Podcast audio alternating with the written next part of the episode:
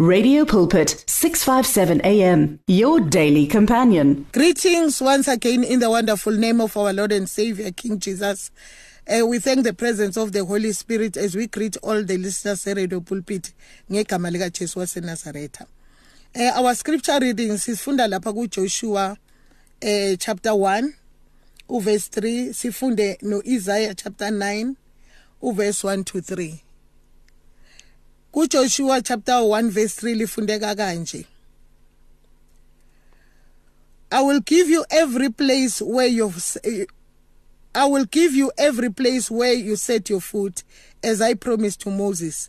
Your territory will extend from the desert to Lebanon and from the great river of Euphrates, all the Hittite country to the great sea on the west.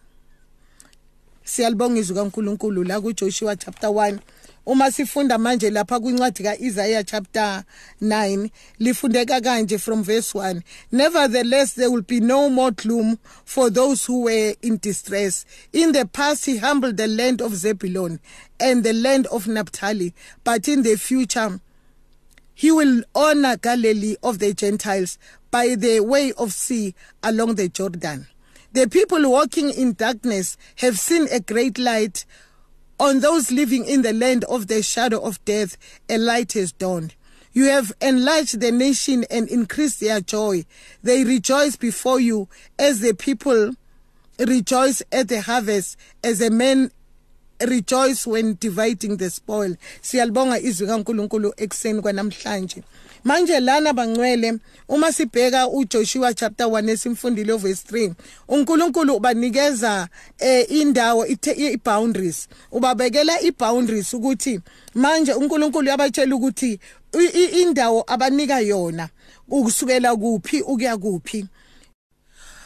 Manje uma sifunda lapha kuJoshua chapter 1 verse 3 eseshilo ukuthi uzoqala kuphi aye kuphi what we see there we see uNkulunkulu eimplementa ipromise ayenza kuAbraham ngoba uNkulunkulu wapromisa uAbraham lapha kuGenesis chapter um eh 15 uma uNkulunkulu ethi kuye abantwana engekazali nokuzala wathi uThixo kuye eh uzoba nabantwana abazohamba baye endaweni abeyogqilozwa kuyo for 400 years. Kodwa uma bephuma bazophuma bephethe ingcebo.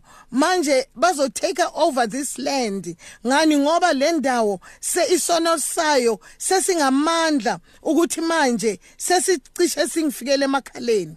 Manje lapho khona lapho uma siyibheka indaba uJoshua uNkulunkulu make ekhuluma naye ukhuluma ngoba uNkulunkulu make ekhipha abantwana bakaIsrayeli eGibhitha wabakhipha ngoMoses. But uma ezobafaka eKanana wayizobafaka ngani? ngoJoshua. Manje lana uNkulunkulu ke uyamtshela ukuthi ama boundary enginikeza wona nizothatha indawo from la to la nithatha indawo from le to le. And manje isethembiso uNkulunkulu uNkulunkulu asigcwalisayo asimplementayo athembisa ngazo many years ago eh before be e, ezala nokuzala uAbraham. Manje uma sibheka la kuIsaiah 9 kuverse 1 1 to 3 sibheka manje leyo nto iprofesi eh uIsaiah aprofesa eh uJesu Kristo ukuthi uzoza.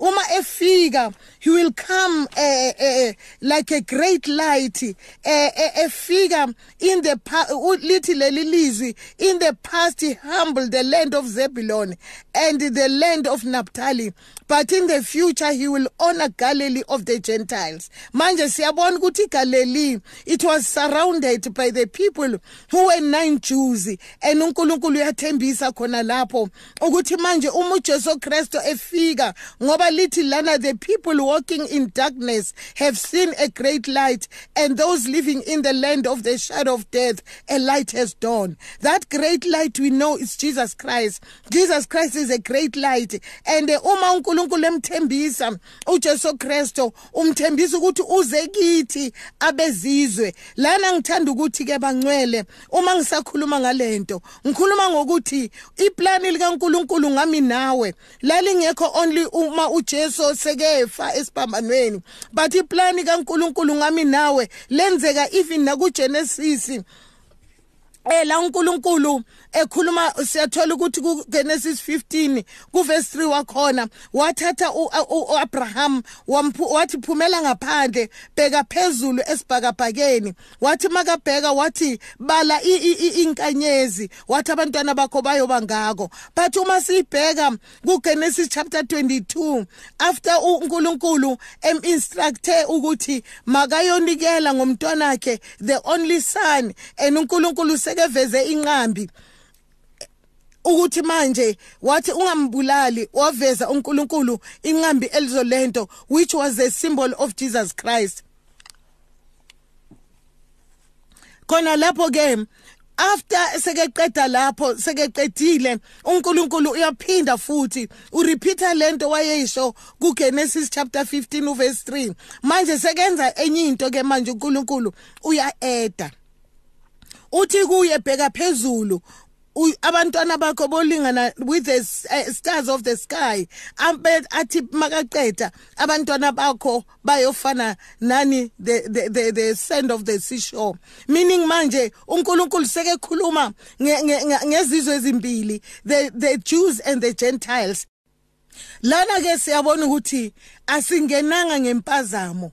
uNkulunkulu wayenenjongo ngathi even from the beginning you can see lapha yana kuGenesis eh, eh, lapha uma abantu uAdam noEva bethatha ini the the the the i leaf yani i-fig tree bazimboza ngayo ukuthi bafise ihlazo labo. Siyabona uNkulunkulu enzani? Ebakhumula lona enza njani?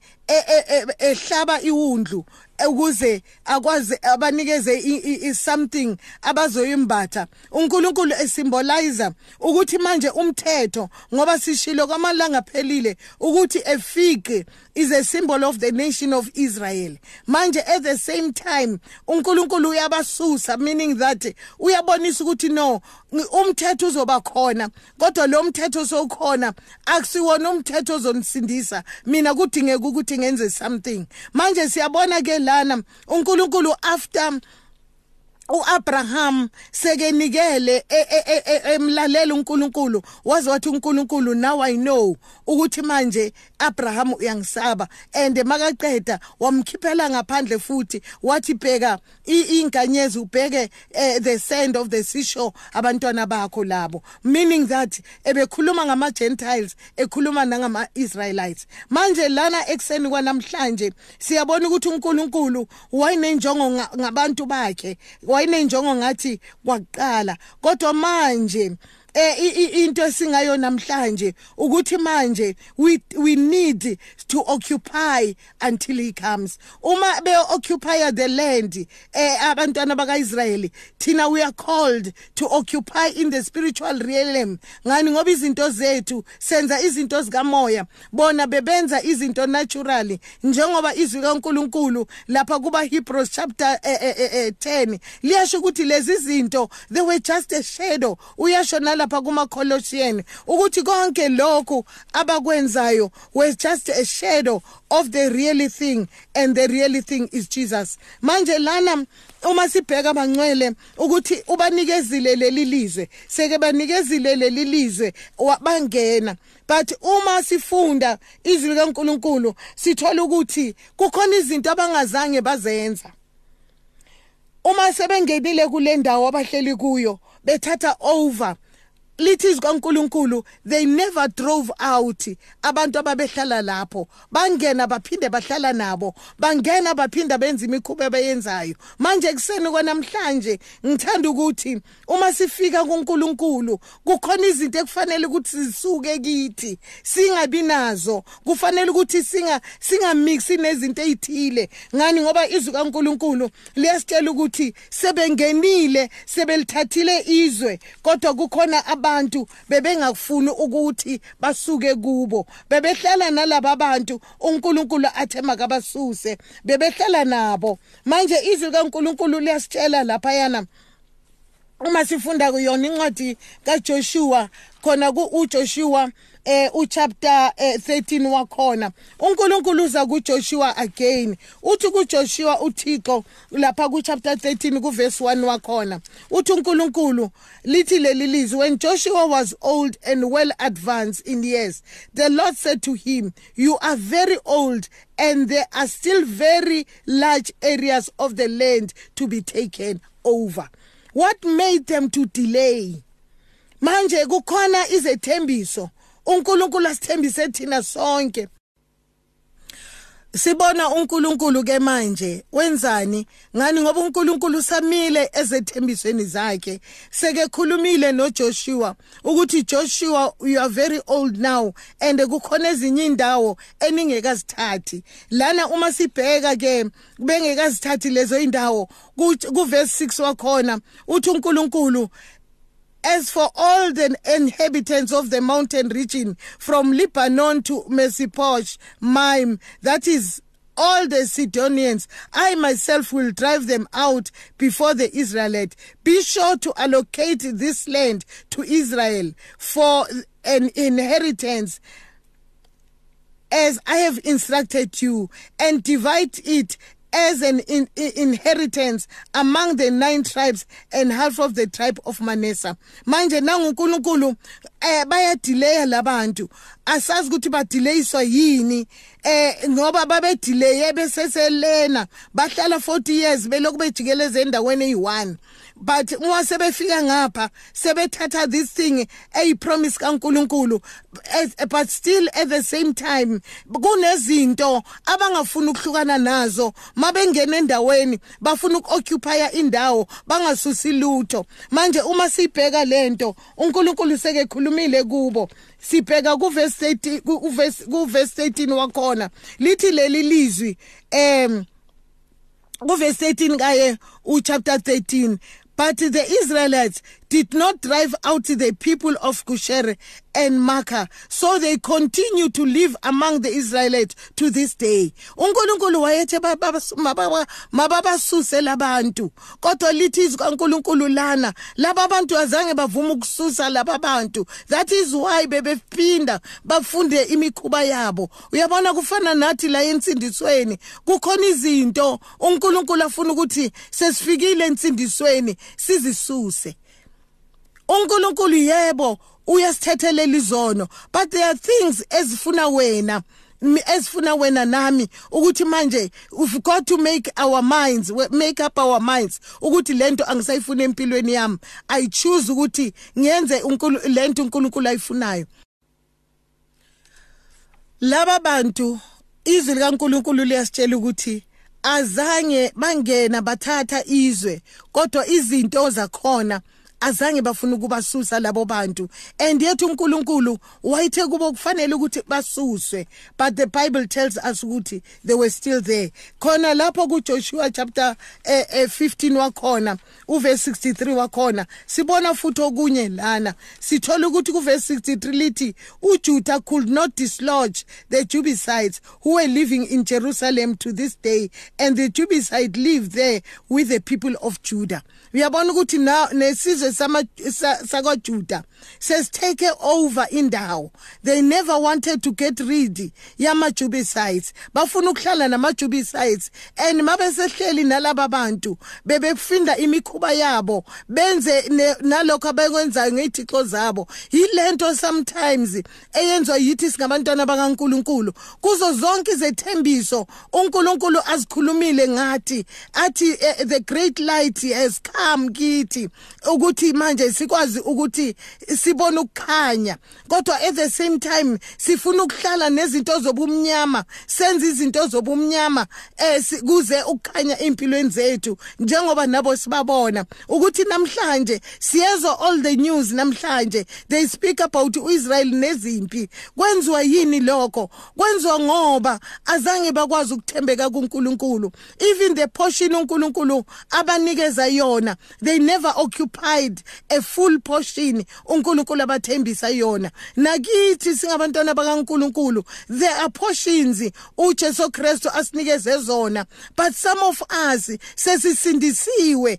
Kukhona izinto ezingafuna ukuziyeka sigcine manje singatholanga konke esikuthenjisilwe manje uma sibheka khona lapho uNkulunkulu kuverse eh, eh, ku chapter 17 kuverse 12 wakhona sibona okunye futhi.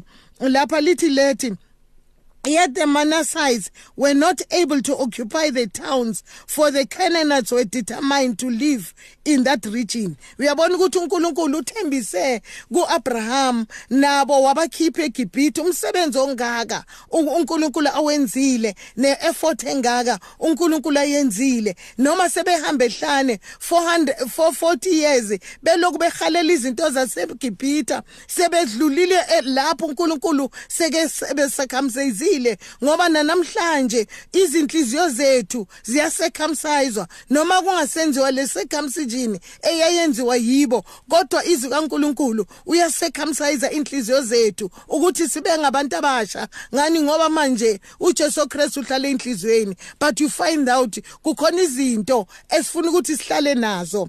And umoya engcwele eloku ehleli kithi ngoba izwi kaNkuluNkulu liyasitshela ukuthi sesisindiswa we are being mark with the mark of the holy spirit ukuthi singabantwana bakaNkuluNkulu but at the same time sifuna ukuthi sibe nezinto esizenzayo izinto esingafuna ukuziyeka. And yet manje uNkulunkulu uwenze umsebenzi omkhulu wokuthi alethe uJesu Kristo ukuthi azokwazi ukusifela. Ngoba uIsaiah waprofeta naye la isifunde khona ithi the people walking in darkness have seen a great light on on those living in the land of shadow of death. Besiphila engciphekweni yokufa ukufa kwani spiritual death. But Jesus Christ came ezosikhulula kulokufa lokho. Manje sibona neeffort uJesu ayenza. Uma sifunda lapha kuncwadi kaMatthew chapter 5 ukuthi manje siyabona uMoses wahamba wanyuka intaba wayothatha umthetho kaNkuluNkulu ozonikeza abantwana bakaIsrayeli ukuthi uNkulunkulu ufuna ukuthi baphile kanjani. Nathi uJesu make fika engekaye esiphambanweni ukhuphuka intaba. Uma sifunda lapha ya kuMatthew chapter 5 lithi izikaNkulunkulu uJesu Kristu wathi eh eh Uh, blessed are those who mourn, for they will be comforted. Blessed are the meek, for they will inherit the earth. Blessed are those who hunger and thirst for righteousness, for they they shall be filled. Especially lapho elithi babusisiwe abalambele ukulunga ngoba bayosatisfy. That is what Jesus Christ esho even na Matthew chapter 6 athi Jesu Christo seek first the kingdom of God and all its righteousness and all these other things will be added unto you. Manje thina i-kingdom kaNkuluNkulu silandela ngayo sifuna izinto hayi ukuthi uNkulunkulu uyasideny to have things. Akasideny to have things kodwa lithi seek first the kingdom of God and all its righteousness and all these other things will be added unto us. Manje ziedwa lezo zinto uma siqale safuna umbuso kaNkulunkulu. Manje lana sifunde izwi kuJoshua chapter 1 ku verse 3 safunda kuIsaiah chapter 9 verse 1 to 3 ititle ye message yethu yanamhlanje bekuthi why settle for less? Babantwana bakaIsrael they settle for less bengafuna ukuyekela izinto. And yet manje uNkulunkulu wabathembisa into e, emnandi ngendlela emangalisayo ebathembisa ngendawo abazohlala kuyo. Uyazi uNkulunkulu wabatshela nezwe abazongena kulo ukuthi lalibaluleke kangakanani. Siyathola ukuthi uNkulunkulu wabatshela ukuthi izwe eningena kulo anisayi ukulima kuyovele ini izwe lakhona likhiciza isilvere. Izwe lakhona linayo yonke into eniyifunayo. But manje lapha uthi uNkulunkulu kuverse 9 kaDeuteronomy chapter 8 a land where bread will not be scarce and you lack nothing. A land where the bread will not be scarce and you lack nothing. Uma ngaye Israel namhlanje uthola itrata zonke izinkwa zakhona there's plenty of bread e, e, esingenazo lana. Uma ubheka uNkulunkulu ukuthi usaligcinile izwi lakhe and uma ibheka it a land where the rocks are iron and you will dig copper out of the hills. uNkulunkulu bheka ukuthi ubanikeza izwe elinjani. Uthi when you have eaten and are satisfied praise the lord your god for the good land he has given you. Be careful that you do not forget the lord your god failing to observe his command his laws and his decrees that i'm giving you today. But kuko konke lokho esebatshelile uNkulunkulu esebanikeze nezwe elihle kangaka. But babona ukuthi bafuna ukuhlala nalezi zinto. Manje nathi ekseni kwanamhlanje kukhona izinto ekufanele ukuthi zisuke kithi. Why settle for less? Why are we settling for less? Ukuthi singakwazi ukuzithola ibusiso zikaNkuluNkulu ngenxa yani yokubambelela intweni engekho. Ngoba sibambelela ezintweni ezingekho ezingasisi indawo ezingeke zigcine nathi nowhere manje uNkulunkulu asisize ekseni ukuthi uNkulunkulu had a purpose ngoIsrael to take the land. uNkulunkulu still had a purpose nangathi ukuthi manje thina we take the spiritual uh, uh, uh, realm senza izinto zikaSimoya but at the same time we cannot do them uma sikusese nezinto esinazo. We cannot occupy ngoba uJesu Kristu uthi occupy until I come uJesu Kristu asibusise ekseni ngegama lakhe amen. Be doers of the word with 657 am sounds of life. For there is a time to search and a time to give up a time to reap and a time to sow. Radio Pulpit wishes to be there at all times, even when you just need prayer. Send us your prayer requests by calling 067 429 7564 or email it to prayer at radiopulpit.co.za. In today's rush world, there is limited time for yourself. Your cell phone, however, is with you all the time. So why not use it? Visit our Radio Pulpit website with your cell phone and restore your soul. There you can find out more about Radio Pulpit. Download the Bible to your cell phone, read Word for Today, and you can listen to us online. Just visit www.radiopulpit.co.za, especially developed for your cell phone. Radio Pulpit, your daily companion. You and 657 AM and life, a winning team on the road to eternity.